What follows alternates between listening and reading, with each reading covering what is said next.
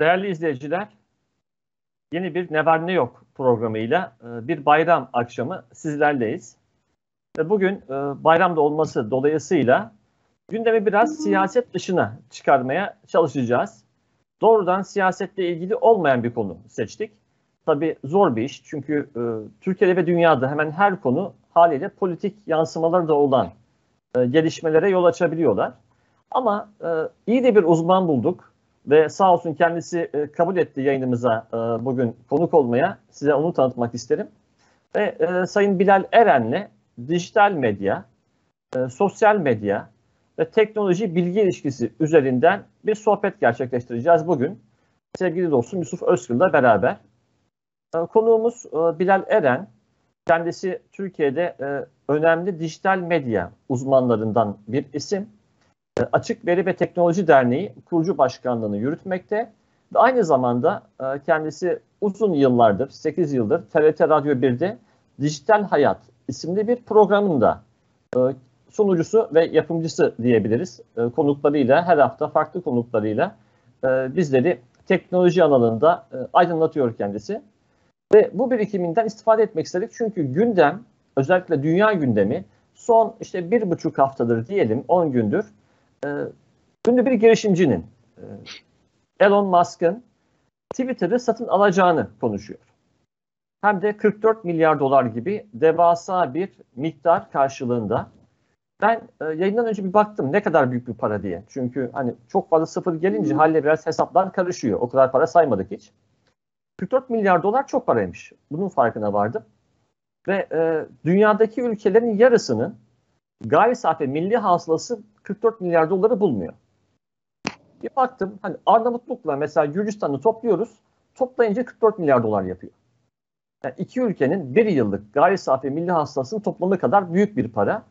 Yani buradan da Elon Musk'ın zengin olduğu sonucuna vardım. Herhalde yanılmış sayılma. Tabii ne kadar zengin, e, nedir, ne iş yapar, ne yer, ne içer belki Bilal Bey bizleri aydınlatır. Bu arada Yusuf da aynı zamanda bir iletişimci olduğu için Yusuf'a da sorularım olacak tabii ki iletişim dünyası nereye gidiyor? Nasıl bu kadar çok para ediyor? Hani e, herkes Bitcoin falan konuşuyor, arsa topluyor, ev topluyor derken artık yeni yatırım alanı iletişim mi oldu? Merak ettiğimiz çok konu var tabii ki. Ama Siyaset hazır... biliminden seni de oraya da davet ediyoruz hocam. İletişim alanına geçiş yapabilirsin. Tabii de o kısım var. Her konu politiktir e, diye bir iddia vardır. Malum siyaset bilimciler siyaseti her şeyde görürler. Nereye baksalar siyaset görürler. Bu da normal. Biraz mesleki dezenformasyon e, diyelim biz buna. Ee, ve Bilal Bey, sizinle başlayalım istiyorum ben. Öncelikle hoş geldiniz. Bayramınız kutlu olsun, mübarek olsun ve bizleri kırmadığınız için teşekkür ediyoruz bu önemli günde e, bize zaman ayırdığınız için. Tabii siz dijital dünyanın içindesiniz uzunca bir zamandır ama benim gibi olan izleyiciler haliyle bu dünyaya çok yabancı olabilirler. O yüzden ben çok temel bir soruyla başlamak isterim. Ee, Elon Musk kimdir? Neden Twitter'a talip oldu? Twitter'ı alınca ne yapacak? Neyi amaçlıyor? Hani bunu açıkladı mı yoksa tahmin mi yürütebiliriz sadece? Evet, saygılar, sevgiler tekrar. Ee, iyi yayınlar dilerim. Ee, aslında bu kaynaklar hep açık olduğu için Elon Musk'la ilgili e, çok e, bilgiye sahip olmak sadece bir kişiye özel değil veya bir topluluğa özel değil. Herkes daha iyidir. Hatta ben en yakın akrabalarımdan, dayısından, amcasından fazla Elon Musk'ı tanıyan gençler biliyorum. Dolayısıyla e, Elon Musk e, çok ikonik bir karakter. Belki buradan başlamak lazım. Biraz önce söze başlarken bir değerlemeden bahsettiniz. Bu karşılaştırmada ekonomide, iktisatta böyle bir karşılaştırma kültüründen bahsederler. Rakamları daha iyi anlamak için. Örneğin ülkemizin en değerli kurumu 2.3 e, milyar dolar değerlemesi olan Türk Hava Yolları. 2.3 e, milyar dolar en değerli kurumumuz. 44 milyarla karşılaştırdığımız zaman nasıl inanılmaz bir rakamdan bahsediyoruz. Bu rakamı niye söylüyorum? Bu e, Elon Musk'ı e, Elon Musk'la ilgili bir şey değil. Elon Musk ikonik bir karakter. İlk önce bunu anlamak lazım. E, işte diplomaside yumuşak güç olarak e, nitelendirilen bir kavram var. Sıkça duymuşuzdur. Ben de ilgimi çekiyor, bakıyorum. Yani işte silahlı güçler, ekonomik güçler, bir yumuşak güç. Elon Musk gibi karakterler bir zaman bu Steve Jobs'tı. Bir zaman da kültür sanattan başka bir ikon oluyor. Elon Musk bugün Amerika devletinin e, e, e, öne çıkardığı, koruduğu, kolladığı bir ikonik karakter. Para da, şan, şöhret de bir kişinin e, gayretleriyle olabilecek bir şey değil. Yani bunu görmek lazım öncelikle. E, Alman işte o, otomobil endüstrisinin 100 senedir bayrak ülkesi olan bir numaralı ülkesi üretimde, satışta, markada, itibarda Almanya'nın kalbi başkentinde Berlin'de e, Amerikan markası e, dünyanın en büyük Amerikan markasının veya e, işte Amerikan markası Tesla'nın dünyanın en büyük elektrikli otomobili açıyor. Bu acaba bir girişimcilikle özetlenebilir mi? Yani bir girişimci bunu yapabilecek e, güce sahip olabilir mi? Bu soruları herkese sormak lazım. Analizlerini, yorumlarını yapmak herkese bırakıyoruz. Veya Çin'de bugün, Çin'in onlarca e, elektrikli araçla ilgili motivasyonu projesi varken Pekin'de Tesla'nın fabrikasını kurduruyor, kur, kurabiliyor. İşte e, örnekler veriyoruz. Elon Musk kimdir? E, e, bunu anlatmak için söylüyorum. Uydular gönderdi, internet hizmeti vereceğim e, e, diyerek projesi var biliyorsunuz. E, SpaceX aracılığıyla e, Starlink projesi şu an 2000'e yakın uydu gönderdi. Hedefi 48 bin. E, biz bakalım toplanalım bir izin almaya çalışalım. Uydu gönderebilir miyiz e, e, uzaya? Uzay uzayda uydu gönderilmek için 2-3 tane pardon uluslararası kurum var. UTI dediğimiz Uluslararası Telekomünikasyon Kurumu var. Amerika'da FCC var. Bunlar çok büyük kurumlar ve böyle bireylere kamu malı olan sayılan uzayda herkesin hakkı var çünkü tüm dünyadaki insanlığın bir girişimciye bu hakları verirler mi? Ee, başka bir örnek ilk e, yatırımlarından, girişimlerinden biri olan e, NASA'da yaptığı e, yenilenebilir veya tekrar kullanılabilir roketlerle ilgili yaptığı çalışmalar. 13 tane roket patlatmış bugüne kadar düşürmüş. Yani bir girişimciye acaba bu hakkı verirler mi? 4.8 milyar dolar zarardan bahsediyorlar. 14. başarılı oldu. Bu, bu söylediklerimden Elon Musk'ın zeki, e, olağanüstü, inovatif biri olmadığını söylemiyorum. Bunlar tabii ki bu arkadaşımızda var. Hani e, bu, bu şahsın üzerine toplanmış. Ama bu söylediğim şeyler alt alta koyduğumuz zaman e, e, bir şey ortaya çıkıyor. Amerika'nın hep bize bir şey anlatıyorlar. E, garajda çıkan, ortaya çıkan girişimler. Bu bir pazarlama e, e, hikayesidir bana sorarsanız. Amerika'nın bizzat kendisi girişimci bir devlettir. Yani bugün e, milyar dolar telaffuz edebileceğimiz, biraz önce örneklerini verdiğiniz, karşılaştırma da yaptığımız rakamlarla değerlendirilen piyasa değerine ulaşmış şirketler, e, yatırımcıların e, kurduğu şirketler değildir. Amerika devletinin bizzat teknolojisiyle, parasıyla bugün mesela internet teknoloji, bilgi teknolojideki birçok ürün akıllı telefonların dokunmatik ekranlarından tutun en temel internet teknolojileri bile Amerika'nın askeri amaçlarıyla ürettiği, bizzat fonladığı, içinde olduğu projelerdir. Sonra bunları ikonik karakterlerle e, e, örnekleri çoğaltabiliriz. Apple bunlardan bir tanesini, Steve Jobs bunlardan bir tanesidir. E, öne, öne çıkardığı şeylerdir. Dolayısıyla Elon Musk'a bugün hani 8 yaşındaki çocukların bile ne yediği, ne içtiği, ne yapıyor dediği kanaat önderi hani teknoloji bir din olarak düşünsek peygamberi haline getirilmiş bir karakterden bahsediyoruz. Böyle bakmamız lazım. 44 milyar doları veremez Elon Musk. Hiçbir yani bu bu başka bir şey. Ee, çünkü bunun arkasında biliyorsunuz Elon Musk'ın üstünde mali şeyi de yok yani hisseler var. Dolayısıyla e, Hocam bir komplo, evi bile yok muydu geçenlerde? Ev sizin diyordu mesela. Bir komplo teorisinden bahsetmiyorum. Ev sizin diyor çünkü malı yok, üstüne mülkü yok. Hisse senetlerine e, dağıtılmış birçok şirkette hisse senedi var. Bu Elon Musk'ın zengin olmadığını, e, inovatif biri olmadığını, zeki olmadığını söylemek için söylemiyorum bunları. Bu bütün bunları alt alta üst üste koyduğumuzda ikonik bir karakter, soft power, yumuşak güç olarak yaratıldığını söylüyorum. Elon Musk açısından tweet böyle bakabiliriz. Yani bu adam kimdir diye.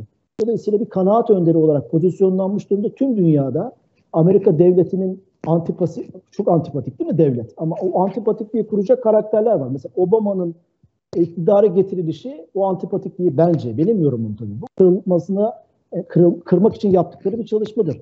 Kültür sanatta sadece ikonik isimler değil, markalar da. Bugün Netflix, Facebook, hani Amerikan şirketlerini yan yana alt alta üstte koyduğumuzda bunların hep birer yumuşak güç olarak bir kanaat önderi olarak hayatlarımızdaki bütün yaşam faaliyetlerimize bir önderlik yaptığını, ilham verdiğini görüyoruz. Bu, bu, bu asla yatsınamaz bir şey. Ee, bir kişiye atfedilemez böyle bir güç. Dolayısıyla bu kararlar e, e, tek başına alınmıyor. Buradan şey çıkarılmasın lütfen. Bir komplo teorisi, tapınak şövalyeleri hikayeleri çıkar. Ondan bahsetmiyorum. Bu bir e, çağımızın e, bilgi teknolojileri ve dijital teknolojilerin yardımıyla e, yaratmak istediği yumuşak güç. Amerika bunu iyi yapıyor. Mesela Fransa yapamıyor bunu. İngiltere yapamıyor. Amerika iyi yapıyor. Dolayısıyla Elon Musk cephesine böyle bakmak lazım. Hani Elon Musk Twitter olayını konuştuğumuz için söylüyorum. Twitter açısından da bakabiliriz. Bizler açısından bir de adalet açısından bakmak lazım bence bu konuya. Ama çok lafı da uzatıp hani şey yapmak istemiyorum. Ee, o zaman tek bir virgül bırakalım isterseniz burada. haline getirmek istemem. Efendim? Bir virgül koyalım burada. Olur. Tekrar e, buradan size döneceğiz ama şimdi e, Yusuf, Bilal Bey şöyle bir şey söylüyor. Diyor ki tamam tabii ki teknolojik anlamda hani devrimci, ilerici bir yapı Elon Musk'ın kurduğu bu şirketler ağı işte Tesla motordan tut da SpaceX, SpaceX firmasına kadar büyük işler yapıyor ama 44 milyar doları da böyle bir girişimci cebinden çıkaramaz. Bir anlamda devletle de bir bağı var. Elon Musk'ın. Böyle bir anlam çıkardım ben Bilal Bey'in yorumlarından. Peki yani bir anda bakıyorsun işte Mars'a Ama belki... Bilal, Bilal Bey devlet demedi. Yani daha muğlak bir yapı sanki. Hani daha esnek evet. bir orası. Daha muğlak. Şöyle, e, şöyle bir kez daha belki altını şey bu. Elon Musk'ı Elon Musk yapan devlet fonlarıdır. Devletin önünü açması. Sadece maddi anlamda olarak düşünmeyin. Bir diplomasi yani Çin devlet başkanına oturup Almanya'da Berlin'de Tesla fabrikasını kurmak da bir bir e, önünü açmaktır. Dolayısıyla Elon Musk bugün e, önü açılan bir kişi. E, bu, bu kötü kötüdür falan diye söylemiyorum. Bir tespit yapmaya çalışıyorum. Ee, Yok hocam aslında gayet, gayet olması gereken bir şey. Yani biz de Türkiye'de bakıyoruz şimdi Türkiye'de Eyvallah. teknoloji şirketlerinin önünü açmaya çalışıyor. Evet. Bu anlamda Amerikan devleti de yapması gerekeni yapıyor belki de Doğru. ama güzel bir nokta tabii ki bu. Hem Amerikan devletinin diplomatik desteği var. Hani Çin'de, Almanya'da faaliyet göstermesi için anladığım kadarıyla yorumlarınızdan. Hem de hani Musk'ın bu işte enerjiyle yönelik yatırımlarına ciddi Amerikan fonu da var. Yani bu adam çalışma orada Amerikan fonlarıyla e, bir anlamda hani ettiği karla değil, devletten aldığı transferlerle belki de bu hale getirebildi. Peki Yusuf şimdi ya bakıyoruz bir yandan Amerikan devletiyle ilişkileri olan e, bir yatırımcı ki kendisi aslında hani babadan Güney Afrikalı, anneden Kanadalı ama Amerika'da hani üniversite okumuş, Amerika'da yaşıyor, Amerika'da bir girişimci artık. Peki böyle bir girişimci yani biz acaba Mars'a koloni mi kuracak diye beklerken ya da acaba uçan elektrikli arabalar mı yapacak diye beklerken 44 milyar doları bir anda Twitter'a verecek gibi gözüküyor. Halen daha imzalar atılmadı ama bekleniyor böyle bir satış. Peki Twitter neden bu kadar önemli Yusuf? Yani Mars'la uğraşan, uydular gönderen, işte e, Tesla motor ve enerji şirketini kuran böyle büyük bir yatırımcı neden 44 milyar doları Twitter'a verir? Şimdi e, Bilal Hoca'nın tabii teknoloji peygamberi ifadesi kullandı. Hani bugüne dönük yapılan çalışmalarda, incelemelerde yani böyle bir tabir kullanılabilir dedi. Bence de çok doğru bir tespit. Yani hani günümüze yönelik e, çalışmalarda e, ve özellikle de teknoloji alanında hani dünyanın e, insanların ne düşüneceği ya da ne hakkında düşüneceği konusunda e, yapılan çalışmalara baktığımızda bugün teknoloji şirketleri ve doğal olarak da e, işte 3-5 tane aklımıza ilk gelen hani sayabileceğimiz şirket e, bu anlamda ilk başı çekiyorlar ve gerçekten de bunların tepesindeki isimle isimlerin e, insanların e, yeme içme alışkanlıklarından işte gezme tüketme alışkanlıklarına e, siyasi ideolojilerinden e, bir takım ekonomi alanında yatırım yapsa mı yapmasa mı gibi konulara kadar uzanan pek çok alanda belirleyici e, rolleri ve faktörleri var. O anlamda e, teknolojiyi yöneten e, isimler gerçekten yaşadığımız dönemde çok belirleyici. E, tabii bir taraftan bu e, Musk'ın e, Twitter'ı satın alma sürecinin işte gündeme girmesi ve bunun eş zamanlı bir şekilde dünya genelinde aslında yani düşünün bu Amerika'da gerçekleşecek olan bir olay hani baktığımızda ama biz bugün Türkiye'de bunu konuşuyoruz. Bugün işte e, Suudi Arabistan'ın en çok satan gazetesi de bu konuyu tartışıyor. E, e, e, Almanya'da da, Alman medyasında da bu konu tartışılıyor. Büyük işte e, çok satan dergileri, gazeteleri de bu konuyu kapağına taşıyor. Neden? Çünkü bu e, küreselleşmiş bir e, mesele. Yani tümüyle hani bu Marshall McLuhan'in e, dünya artık küresel bir köye dönüşecek ve orada tıpkı küçük bir köyde olduğu gibi hiçbir şey sır olarak kalmayacak e, mottosunda olduğu gibi yani tam olarak biz şu anda bunu yaşıyoruz. Yani Elon Musk normalde işte 100 sene önce olsa herhalde derdik ki ya Elon Musk Amerika'da işte kimdir, ne alacaksa alsın bize ne filan. Ama bugün baktığımızda hepimizin hayatını doğrudan e, etkileyen ve ilgilendiren bir durumla karşı karşıyayız. Çünkü bu küreselleşmeyi e, tümüyle kendi içerisinde içselleştirmiş bu teknoloji şirketlerinin Twitter gibi e, hepimizin hayatını ve bütün ülkeleri aslında doğrudan etkileyen bir e, yönleri var. E, bu açıdan baktığımızda Musk'ın Twitter'ı satın alma süreci hani daha basit indirgeyerek söylersek e, Elon Musk'ı işte Mars'ta koloni aramaktan hani bir parantez açıp dünyada büyük bir medya patronu haline e, getirmiş durumda ya da e, bu süreç bittiğinde getirecek durumda.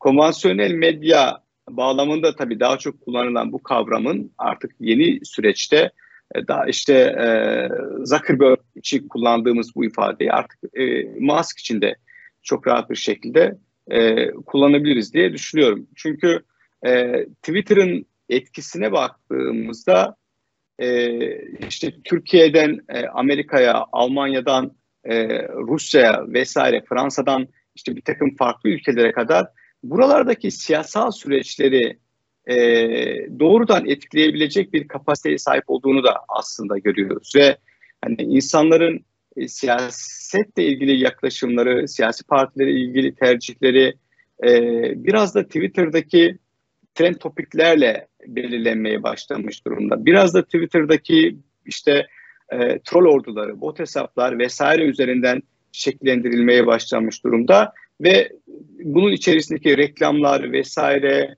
işte e, katılımcıların işte verileri, bilgileri vesaire hani tüm bunlara baktığımızda e, çok e, e, insana dokunan bir yanı var ve bu insanlar sadece Amerika'da yaşayan insanlar değil.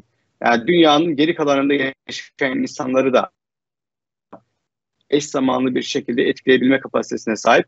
Bu yüzden hani Musk'ın sadece e, işte bir Tesla aracında olduğu gibi e, ekonomik anlamda bir kazanç elde etme açısından bu meseleye yaklaştığını düşünmüyorum. Eğer bu satış süreci tümüyle tamamlanırsa. Çünkü daha fazla para kazanabileceği farklı mecralardan bahsedebiliriz ki hani o kadar hani sen biraz önce Bilal Hoca da söyledi. Çok çok büyük paralar. İşte 250 milyar dolar serveti olduğundan bahsedilen bir isim. E, ve işte 44 milyar sadece Twitter'a vereceği düşünülüyor. E, bu, bu parayla daha fazla para kazanılacak farklı mecra, farklı iş, iş sahaları, iş alanları da çok rahat bir şekilde bulunabilir.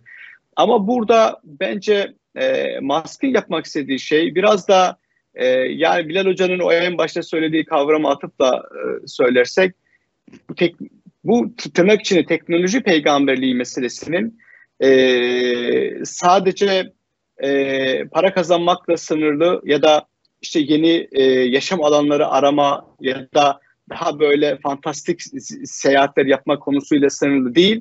Aynı zamanda dünyada insanların zihinleri üzerinde de doğrudan etki edebilme e, kapasitesi, potansiyeline sahip olma arzu çabasıyla da ilgili olduğunu e, açıkçası düşünüyorum.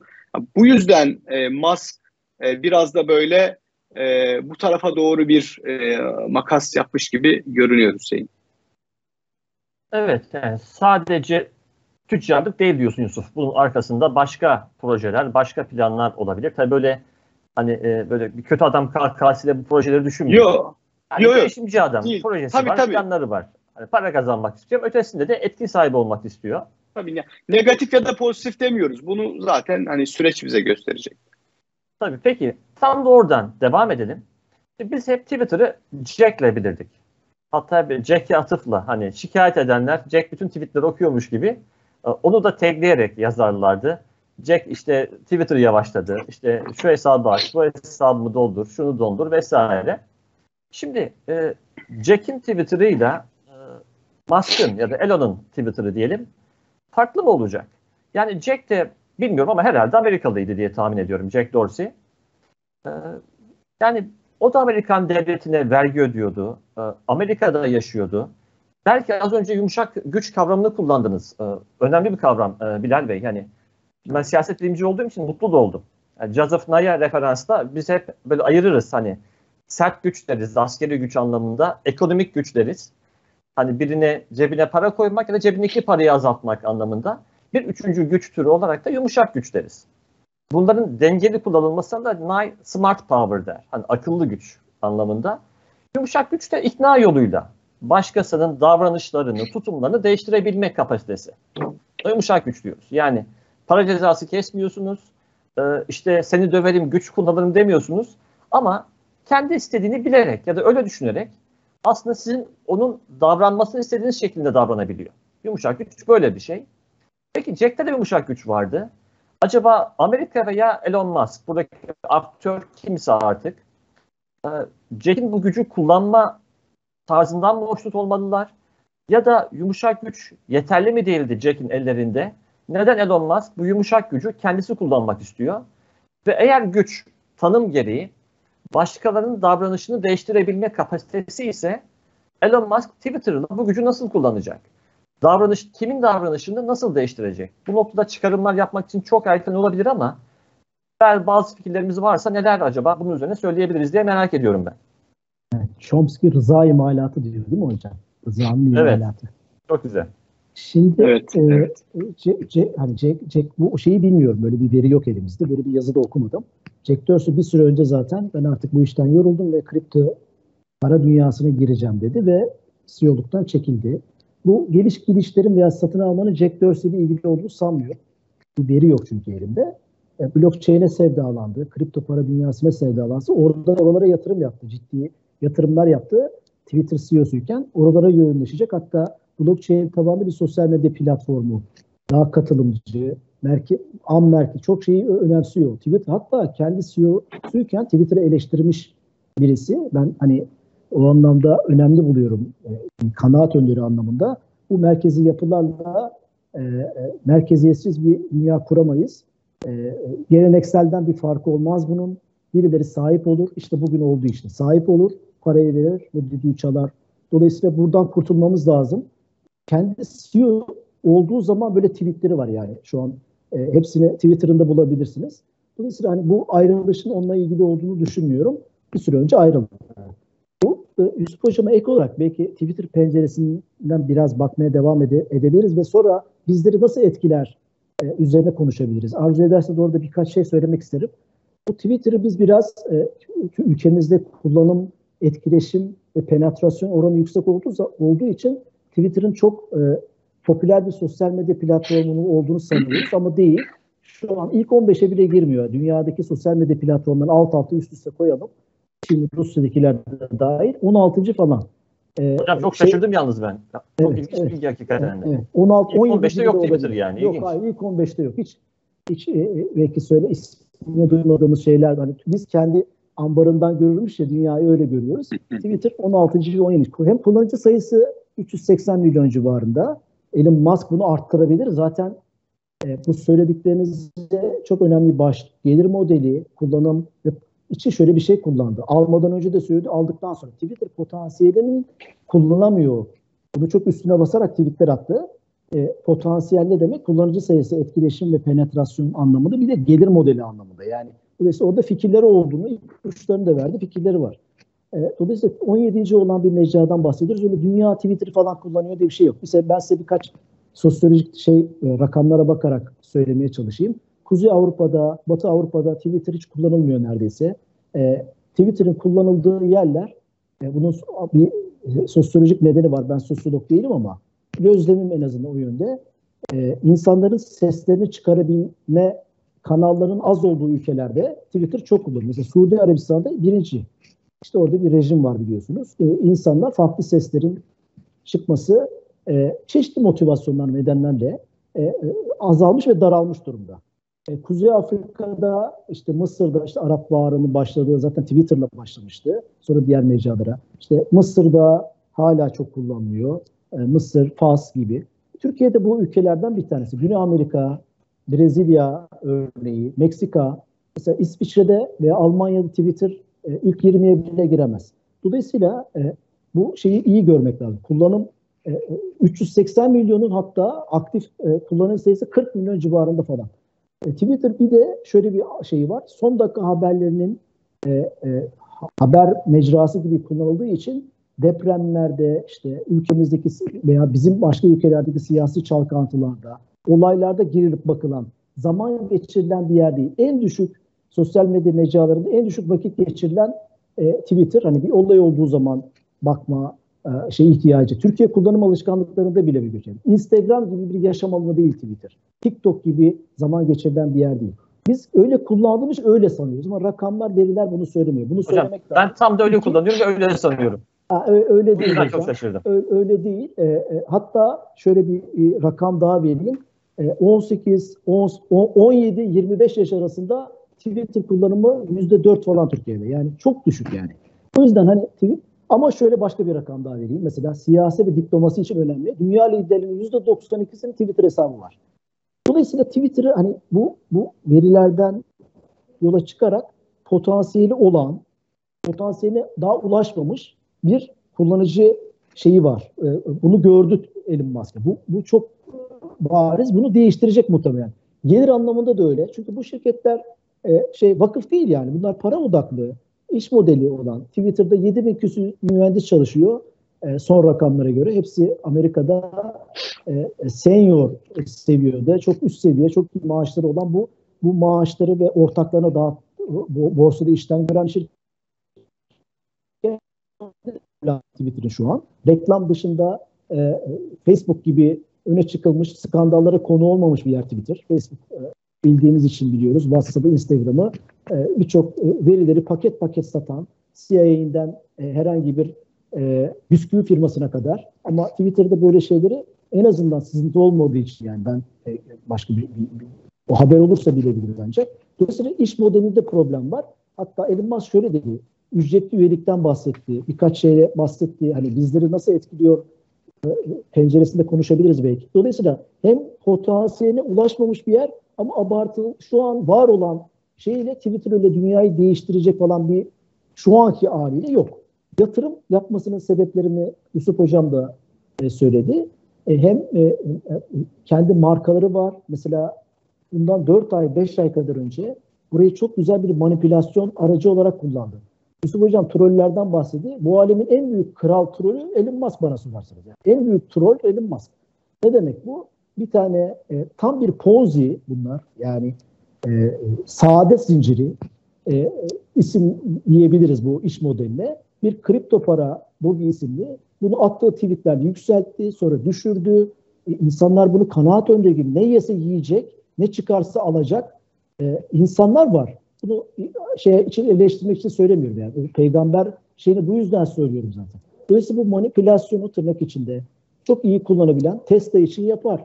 Kendi internet hizmetine verecek. Bunun için kullanır. Yani kendi sesleneceği 500 milyon kişinin olması yarın bunu 1 milyara da çıkabilir. Bundan daha büyük bir şey olabilir mi? E, e, güç olabilir mi? Dolayısıyla e, Elon Musk kendi açısından evet. potansiyeli inandığı için e, buna iyi bakıyor. Yani Twitter penceresinden böyle bakmak lazım.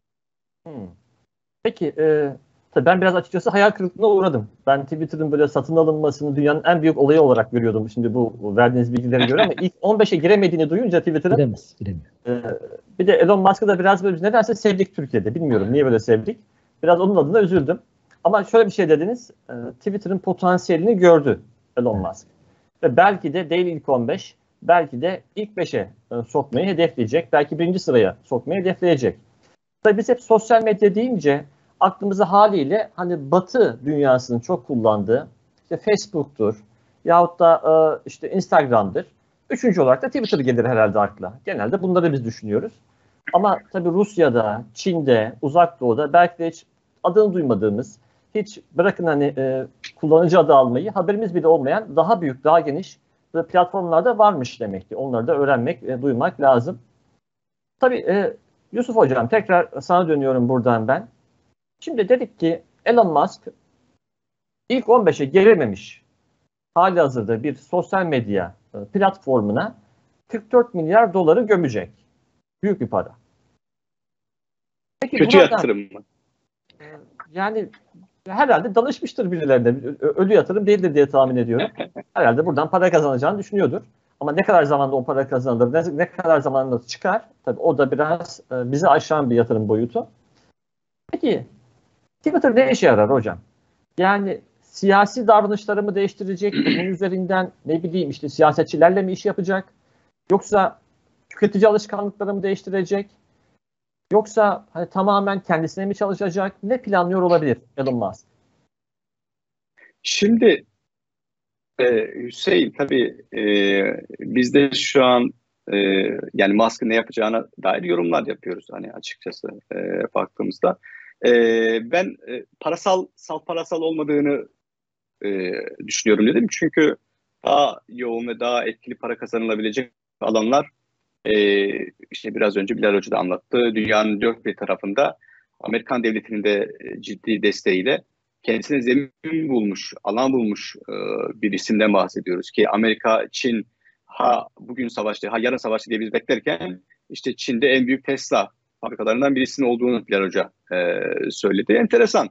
Bir taraftan Almanya da, da aynı şekilde ki e, bu, bu, bu tür alanları rahat bir şekilde artır, artırabilecek bir isim gibi görünüyor. Ama e, hayat sadece şeyden ibaret değil. Yani maddi yatırımlardan ibaret olmadığını ben düşünüyorum. Çünkü e, Elon Musk'ın da bu ilk açıklamalarına baktığımızda Twitter'da alakalı belki de son açıklamaları diyebiliriz. Çünkü bayağıdır da açıklama yapıyor illaki bu konuda.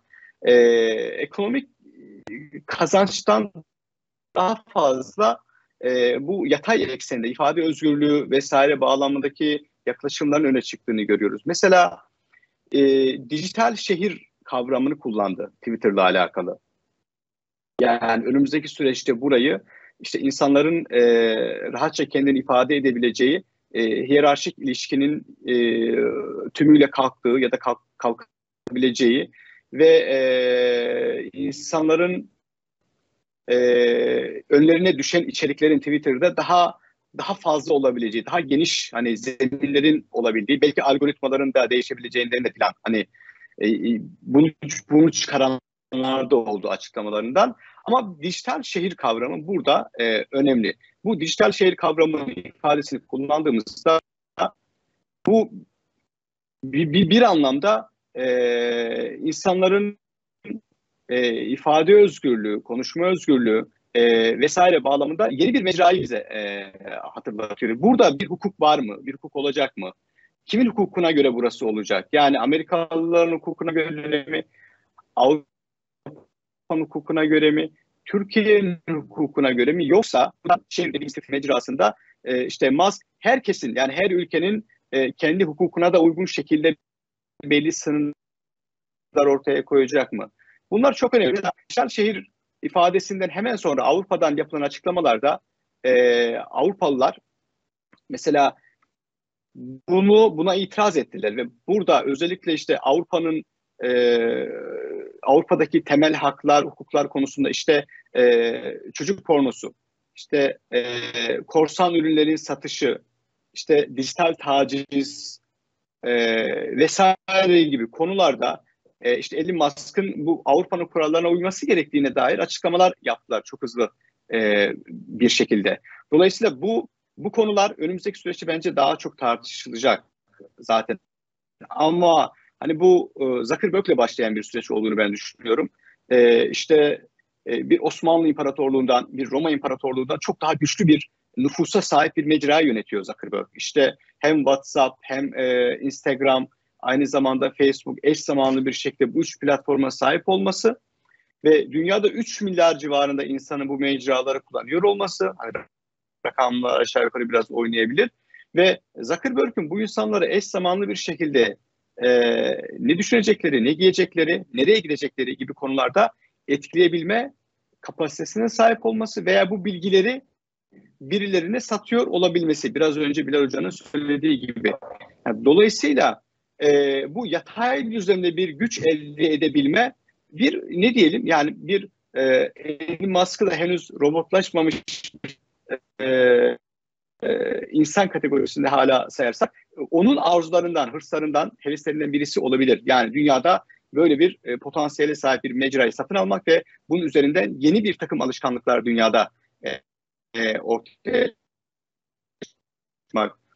Burada tabii ki önümüzdeki süreçte başladığımız bir süreç ama belki Elon Musk burada yeni bir işte e, vites yükseltirse bu şirketlerle ulus devletler arasındaki gerilimin, mücadelenin önümüzdeki süreçte daha da sertleşebileceğini söyleyebiliriz. Biz bu, bu süreci zaten Türkiye olarak yaşıyoruz. Yani Twitter şirketiyle veya sosyal medya şirketleriyle Türkiye'nin son 3-4 yılda yaşadığı e, gerilimin e, kökeninde e, e, Türkiye'deki işte ulus devletin temel prensiplerinin bu şirketler tarafından tanınmaması ve sadece aslında Türkiye'de değil işte Amerikan Başkanı Trump'ın sosyal medya hesapları askıya alındı.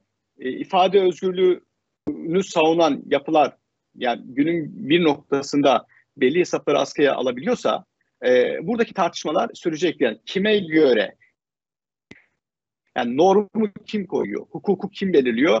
Dolayısıyla burada önümüzdeki süreçte Elon Musk'la birlikte bu zaten yaşadığımız bu tartışmalar yani şirketler, ulus devletler ilişkisi, şirketler, bireyler ilişkisi, bireylerin hak ve özgürlükleri, e, itibarları meselesi arasındaki bu e, tartışmanın ben eğer Elon Musk vites yükseltirse önümüzdeki süreçte Twitter üzerinde daha da artacağını düşünüyorum. Tabii ki eğer e, Bilal Hoca'nın söylediği gibi Twitter'ın potansiyelini düşük olduğunu somut e, bilgilerle anlattı bize. Tabii ki orayı da hani belki biz bunu yaşarız ama dünya genelinde de yaşa, e, bu tartışmanın daha fazla ortaya çıkabilmesi için belki potansiyelini de e, yükseltmesi gerekiyor. Kullanıcı sayısını bir şekilde e, artırarak. Teşekkürler Yusuf. Tam da benim gelmek istediğim yere getirdin aslında konuyu. Çünkü bize çok katmanlı, çok aktörlü, girift bir ilişkiler ağı sundun. Gerçekten de bir yanda ulus devletler var. Ee, bir yanda bu küresel, kimlerine göre transnasyonel, çok uluslu, ulus aşırı, dijital şirketler var. Ve arada rekabetleri görüyoruz. Yani şirketler birbirleriyle rekabet ediyor, devletler şirketlerle rekabet ediyor. İşte Amerika günün birinde çıkıp diyebiliyor ki işte bundan sonra federal devlete çalışanlar Huawei marka, Çin marka işte cihazlar kullanamayacaklar diyebiliyor. Ya da Twitter Amerikan başkanının hesabını kapatıp sadece Twitter değil. Pek çok sosyal medya şirketi onun hesabını yani onun sesini kısabiliyorlar kumandayla. Böyle bir rekabet ağı var. Hatta son zamanlarda ben Elon Musk'tan da bir çıkış gördüm Facebook'a karşı. Yani sadece şirketler, devletlere karşı değil. Şirketler arasında da bir e, mücadele var anladığım kadarıyla. Mesela Metaverse'ü sordular Elon Musk'a küçümsedi. Yani dedi böyle gözünüzün önünde bir televizyon montajı yaptığınızda o Metaverse olmuyor dedi. Öyle bir şey değil dedi. E, Yusuf'un bahsettiği o dijital şehir böyle bir şey değil dedi. Metaverse'ü de biraz küçük gördü açıkçası. Peki e, Bilal Bey, rekabeti kim ediyor, kimin ne diyor? Yani Batı Doğu'ya karşı mı bir rekabet ediyor? Yoksa devletlerle bu dijital firmalar arasında mı bir rekabeti var? Yoksa firmalar arasında mı bir rekabeti var? Yoksa herkesin herkesin kurduğu olduğu böyle bir e, doğa hali içerisinde, bir jungle içerisinde miyiz? Cevabını verdiniz hocam siz. Cevabını verdiniz mi soru? Sen kötü senaryo mu yoksa doğru cevap? O son cümleyi kurmayacaktın. Son cümleyi kurmayacaktın. Jungle'dayız yani. hocam şöyle, e, Yusuf Hoca'nın bıraktığı yerde aslında Elon Musk'ın söylediği e, bizi nasıl etkileyecek ve aldığı şirketi ve kendisini nasıl etkileyecekle ilgili ipuçları verdi. İsterseniz orayı bir dipnot olarak söyleyelim. Lütfen. Onlar kıymetli. Belki o sorunuza da kapı açacaktır.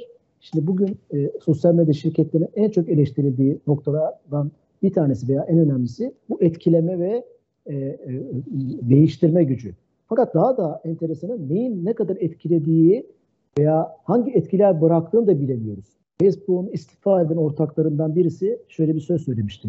2016'da Berlin'de bu Berlin'de şey Münih'te güvenlik konferansı düzenleniyor her evet. sene. İki senede bir, her sene bir. Siyaset evet, evet. sanırım. Oraya davet etmişlerdi. Böyle bir şey ifade hiç unutmuyorum onu. Biz Facebook'u kurarken bunların bu Facebook'un çocuklarımıza bir etki bırakacağını e, yeni nesillerde tahmin ettik. Ama şu an ne olduğunu Allah bilir ancak diyor. Yani etkilerini biz bile bilemeyiz. Şu an çünkü yazdıkları algoritma yani yazılım bu yazılımı yazarken de insanları etkilesin, e, işte birilerinin e, dediklerini yapsınlar diye yazmadılar. Bunu iş modeli olarak kurguladılar. E, e, insanlar, Yusuf Hocam biraz önce bahsetti, e, ilgilendikleri şeylerle meşgul olsunlar. Önlerine onlar gelsin diye. Yani sevdiğiniz ayakkabı, sevdiğiniz takım, sevdiğiniz parti, sevdiğiniz filmin ve onları sevenlerle beraber olsunlar diye. Pazarlamacılar bunu böyle savunuyorlar. Ee, bu niye böyle diye. Dolayısıyla algoritmayı böyle şekillendirirken... İlkokul yazıda... arkadaşını bul hocam. Evet, İlk evet, hani vardı evet, ilkokul evet, arkadaşını evet, bul sevdiğin. Evet, evet. yazılımı böyle organize ederken yazılım kendi kendine gider, gider e, gittikçe diyelim yanlış kelime kullandım kendi bir iş modeli oluşturdu ve şu an raydan yoldan çıkmış durumda. Hatta bu konuda Amerika'da STK'lar var. E, algoritma ön yargılarına karşı. Algoritmalar e, çeşitli dezavantajlı gruplara veya dezavantajlı olmayan gruplarda ne zaman ne yaptığı, hangi ön yargıyla yaklaştığı, kimi gösterip kimi göstermediği ile ilgili çalışanların yani yazılımcıların Facebook içinde, Twitter içinde yazılımcıların bile müdahale edemediği ön yargılara sahipler mi? Bu müthiş bir tartışma getirmiş durumda. Dolayısıyla Elon Musk dedi ki ben bu algoritmaları GitHub gibi bir açık kaynak kod platformuna koyacağım ve bu konudaki yazılımla ilgili kanaat önderleri, mühendisler yüksek seviye gelip incelesinler ve değişiklikler yapsınlar. Algoritmamızı düzeltelim. Eleştirileri o yönde. Bu çok kıymetli. Bunu yapabilirse göreceğiz bunu nasıl olacak. Çünkü hukuktan azade, hukukun hiç karışmadığı, bilmediği bir alandan bahsediyoruz. Yani e, bu buraya girmesi, hukukçuların da belki girmesi iyi olabilir. Ne kadar yapabilecek bir itopik bir şey söyledi bence. Ama o kıymetli. Başka şeyler de söyledi. Nasıl etkileyecek? Derinden etkileyebilecek şeyler. Mesela kimlikle girilecek. E, herkes kimliğini burada ifşa edecek. Anonim hesaplar, troll hesaplar olmayacak. Bir kere bu söylem bana göre internet ruhuna aykırı. Anonim e, interneti internet yapan bu kadar hızlı bir şekilde e, e, her kesimden insanın kullanmasını sağlayan şeylerden biri anonimlik. E, şimdi o anonimlik konusuna girmeyeyim. Bunun avantaj ve dezavantajları var. Buradan beslenen birçok dezavantajlı grup var. Yani ana, nasıl olacak bakalım kim? Ben çıkıp Twitter'dan çıkarım mesela. Hani ben gerçek kimliğimle orada olmama rağmen. E, bu kimlik meselesi çok tartışma su götürür. Editleme getireceğim dedi mesela. Attığın yorumun düzelteceğiz. Dolayısıyla bunların yansımaları olacak. Böyle somut şeyler söylediği için söylüyorum bu yansımaları göreceğiz e, e, ne olacağını. Sizin sorunuza gelecek olursak bugün dijital tekelleşme denen bir şeyden bahsediliyor. Amerika'da geçen sene Trump'ın son aylarıydı. Onunla uğraşamadı veya uğraşmak istemedi. Ya Amerika Kongresi'ne bir yasa teklif verildi. Bu şirketlerin monopolleştiği, oligark olduğu, tekelleştiği e, e, söyleniyor. 5-6 Big Five dedikleri bir şey var. İşte Amazon, Apple, Google gibi 5 büyük Microsoft, e, beş büyük firma e, kendi işlerinin alanlarının dışında da büyüdükleri şirketler satın aldıkları. Google geçen sene 248 tane şirket satın almış. Nakit bankada 300 milyar dolardan fazla parası olduğu söyleniyor. Yani bunu bir devlet bile yapamaz. Ne ulus devletinden bahsediyor. Bugün hiçbir ulus devlet Amerika dahil Google'a ne ekonomik ne başka bir şekilde e, e, söz geçirmesi amiyane tabirle söylüyorum. Tabii ki diplomatik olarak konuşabilir ama mümkün gözükmüyor. Yani bu 248 satın alma her alanda. Otonom e, şirketi, otonom araç şirketi de satın almış. E, efendim duygu ve düşüncelerimizi okumaya yarar, öngörü ve içgörü yapan yapay zeka şirket de satın almış. Uydu o, teknolojileri yani o kadar farklı alanlardaki alanlarda satın almalar yapmış. Yasa teklifi şu hala başkanın masasında duruyor ama başkan bilmiyorum bunlara ne yapar yani şu anki yönetim e, Amerika yönetimi e, bu şirketlerin bölünmesi 5-6'ya 7'ye 10'a bölünmesi teklifi var içeride. Başka teklifler de var da. Dolayısıyla bunlar e, çok büyük güç olmuş durumdalar. E, son e, çok lafı da uzatmak istemiyorum. Telefonumla telefonla bağlıyorum. Şarjım da bitmek üzere. İngiltere'nin sosyal medya şirketleriyle ilgili bir rapor var. Herkese tavsiye ederim. Keşke onu Türkçeleştirebilseydik. Belki bu vesileyle bu konuda çalışma yapacak birileri olabilir. Ee, e, İngiltere parlamentosunun e, Cambridge Analytica skandalı bu Brexit'te rol oynayan, Amerika'nın Trump Hillary Clinton e, yarışmasındaki birinci seçimdeki rol oynayan bir skandala ismi veren şirketle ilgili bir araştırmasının sonucunda Facebook'la ilgili ama bütün sosyal ağlarla ilgili bir rapor yayınladı. 120 sayfa kadar. Orada çok detaylı olarak İngiltere hani Güneş Batı'nın ülke, demokrasi, ifade özgürlüğü konularda kendine bayrak ülke olarak e, hukuk, birçok konuda da bunu iyi başardı ve böyle lanse ettiğini de biliyoruz. Önem verdiğini biliyoruz en azından. Sosyal medya şirketlerinin İngiltere demokrasisinin en büyük düşman olduğunu Facebook'da başa yazarak söyledi. Dolayısıyla hani bu bağlamda ekonomik anlamda da konuşabiliriz. Veri modelli iş modellerinde tekel olmuşlar. Veri veri biliyorsunuz. Kaynağı biz veri nerede? Akademisyensiniz siz ikiniz de. Veri bulabiliyor musunuz sayın hocalarım? Veri neredeymiş? Veri bu şirketlerden. Yani iş ekonomik anlamda da tekelleşmişler. İfade özgürlüğü, demokrasi gibi alanlarda da sosyal hayatta da tekelleşmiş durumdalar. Ve hukuktan azade. Biraz önce Yusuf Hocam söyledi. Hakim ve savcı da oluyorlar aynı zamanda. Karar veriyorlar. Trump'ı engelliyor. Neymiş? Trump ırkçıymış. Bilmiyorum sen karar verme bunu. Mahkeme karar versin. Madem hukuk devleti olduğunu söylüyorsun gibi. Bu tartışmalar Amerika'da çok yapılıyor yani batıda. Biz de yapmamız lazım belki. Burada en kıymetli şey yani çözüm nedir, yorum nedir diye soracak olursanız yerelleşmenin kıymetli olduğunu düşünüyorum. Türkiye tek başına bunları yapmakta zorlanabilir. Nüfus, ekonomi gibi birçok nedenden. Ülke, coğrafyadaki ülkelerle beraber farklı iletişim platformları, böyle mecralar oluşturmada başlığı oynayabilir. Avrupa Birliği'ne eklemlenebilir. Son dönemde belki uyuşamıyoruz ama bu konuda oraya eklemlenebiliriz. E, bu konuda en azından girebiliriz. Çünkü mesela KVKK kişisel veri koruma kurumu diye Avrupa Birliği GDPR dediğimiz kişisel verime oradan esinlenerek, oradan besleniyoruz, ilham alıyoruz. Bu konuda da Avrupa Birliği çok ciddi çalışmalar yapıyor. Oraya adım atabiliriz veya kendi birliğimizi, kendi ekosistemimizi kurabiliriz. Bunun önemi ortaya çıktı. E, diğer anlamda da bireysel yapacaklarımız ama bu programın konusu değil belki bu. Bireysel olarak biz neler yapabiliriz? Bu algoritmaları şaşırtmak için algoritma şaşırtmacı denen bir şey var, bu yöntemler var. Ama bireysel anlamda bunlar için dijital okur yazarlık seviyesi önemli. Kolay işler değil. Ee, e, sorunuza bilmiyorum cevap oldu mu? Çok iyi bir cevap oldu ve Bilal Bey madem hani e, sizin de vakit darlığınız var Yusuf seninle bitirelim o zaman programı. Sana bir soru soracağım buradan Bilal Bey'in bıraktığı yerden. Ee, ne yapıyoruz, ne yapmalıyız? Şimdi mesela Bilal Bey Avrupa ile yapabiliriz bir şeyler dedi. Avrupa'nın da ihtiyacı var galiba. Düşünüyorum mesela eskiden cep telefonları ya Nokia olurdu ya Ericsson olurdu. Şimdi ikisi de bilmiyorum hala üretiyorlar mı haberim bile yok. Şu görmüyorum hiç kimse de görmüyorum. Sanki onların da bir ihtiyacı var gibi. Sosyal medyada benim bildiğim kadarıyla hani sıradan bir kullanıcı olarak yoklar. Hani işin içinde olanlar bilirler illa ki vardır belki bazı platformlar ama benim e, gözümde yoklar. Sıradan bir kullanıcı, sosyal medya kullanıcısı olarak. Hani Avrupa ile beraber e, yapılabilecek, atılabilecek adımlar neler olabilir ya da o yol olmalı mı? Yoksa tamamen Türkiye kendi içerisinde yerli ve milli projelerle mi bu küresel e, meydan okumaya cevap vermeli? Çünkü e, Bilal Bey'in söylediği nokta çok son derece önemli. Yani hem hakim hem savcı bir sosyal medya var karşımızda. Şirketler. Yani sosyalliği de bir yana bırakalım. Bunlar corporate. Gerçekten şirketler. Yoksa böyle toplumsal bir katılım almıyorlar. Sadece veri çekip o veriyi manipüle edebiliyorlar. Peki Yusuf bu şartlar, bu ahval içerisinde Türkiye ne yapmalı?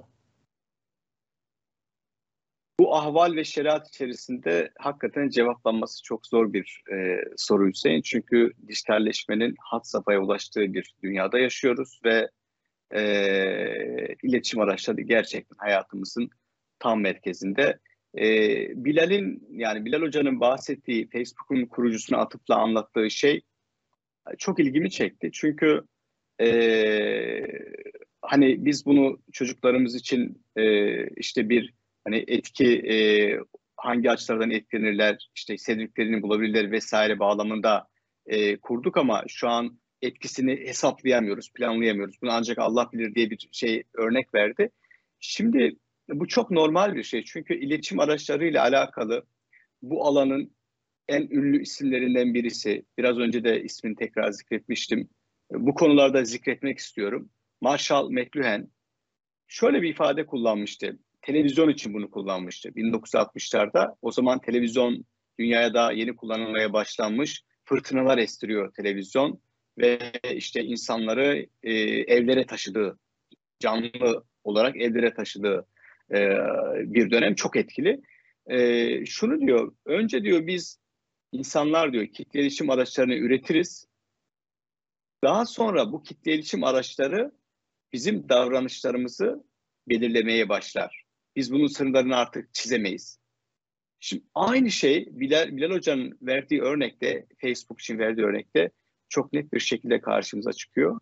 Bu sosyal medya şirketleri e, kuruluşlarıyla alakalı bir takım filmler de var. Hani e, izleyicilerimiz onlara da bakabilirler.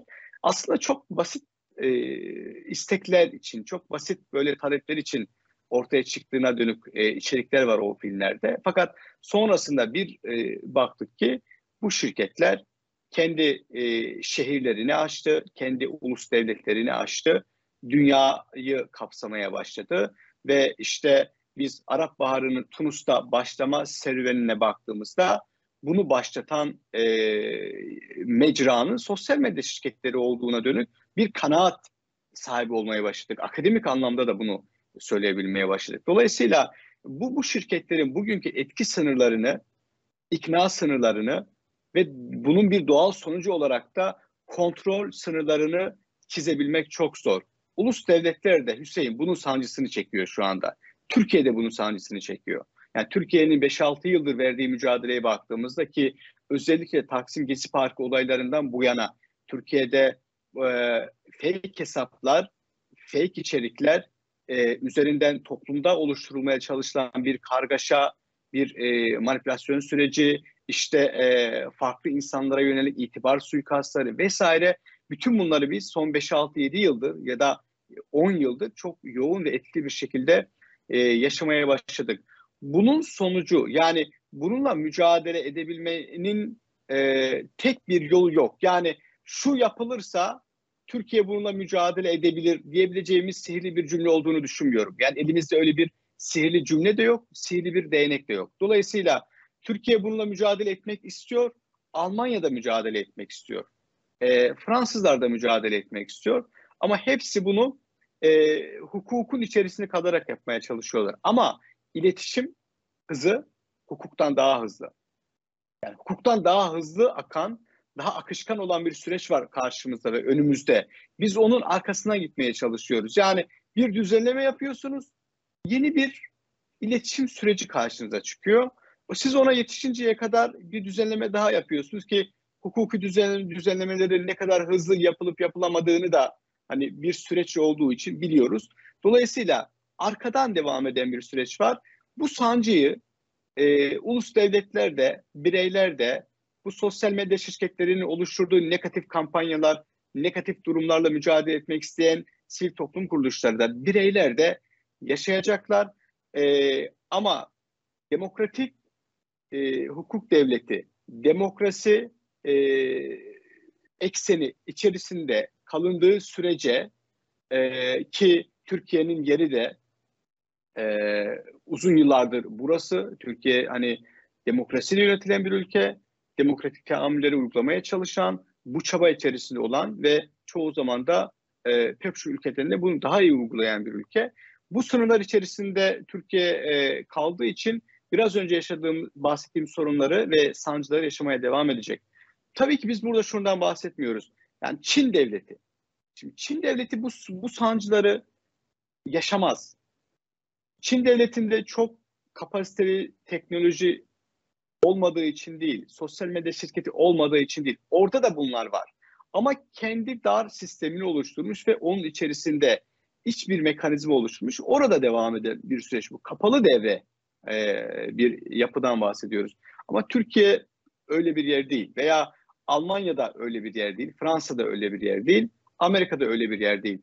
Dolayısıyla buralarda e, iletişim hızı hukuktan daha hızlı hareket ettiği için, daha akışkan olduğu için e, ulus devletler bu sancıları daha fazla yaşamaya devam edecekler ve özellikle bunu söyleyerek e, bitirebiliriz.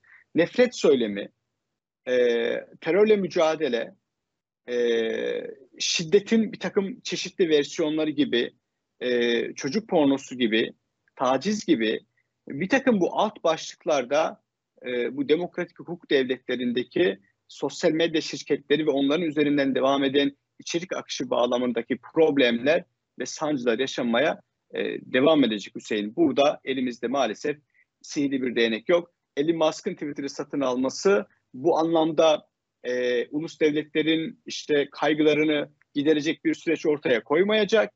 Bence e, yeni bir takım içeriklerle ulus devletlerin karşısına çıkacağını ben düşünüyorum. bir takım alanlarda iyileşmeler olabilir ama bu mecraların doğası gereği yeni bir takım problemleri de sorun alanlarında karşımıza çıkaracaktır diye düşünüyorum. Teşekkürler Yusuf. Ee, çok önemli bir şey söyledin. Gerçekten de iletişimde bu ortaya çıkmaya başlayan tekeli e, buna karşı kayıtsız kalamaz devletler, buna karşı çözümler geliştirmeli. Ama dedin ki e, hukukun hızı iletişimin hızından daha yavaş kalıyor. Dolayısıyla devletlerin bir dezavantajı var. Her devletin, her ülkenin böyle bir dezavantajı var. Ve burada bir soru işaretiyle aslında bırakmış olacağız. Çünkü konuyu henüz tamamlamadık. Çünkü iletişim teknolojisi, dijital teknoloji devam ediyor. Her gün yeni bir gelişme yaşıyoruz. Ve belki ilerleyen programlarda tekrar iletişim alanında, dijital iletişim alanında yeni başlıklar açacağız. Ve bu şekilde bugünkü, bu haftaki programımıza son veriyoruz. Ee, değerli izleyiciler teşekkürler bu bayram günü bayram için. İyi bayramlar, hayırlı bayramlar herkese diyoruz. Ben de ben de bütün izleyicilerimizin bayramını tebrik etmek istiyorum. Ramazan bayramımız e, bize, ülkemize, tüm İslam alemine mübarek olsun e, diyelim. Görüşmek üzere.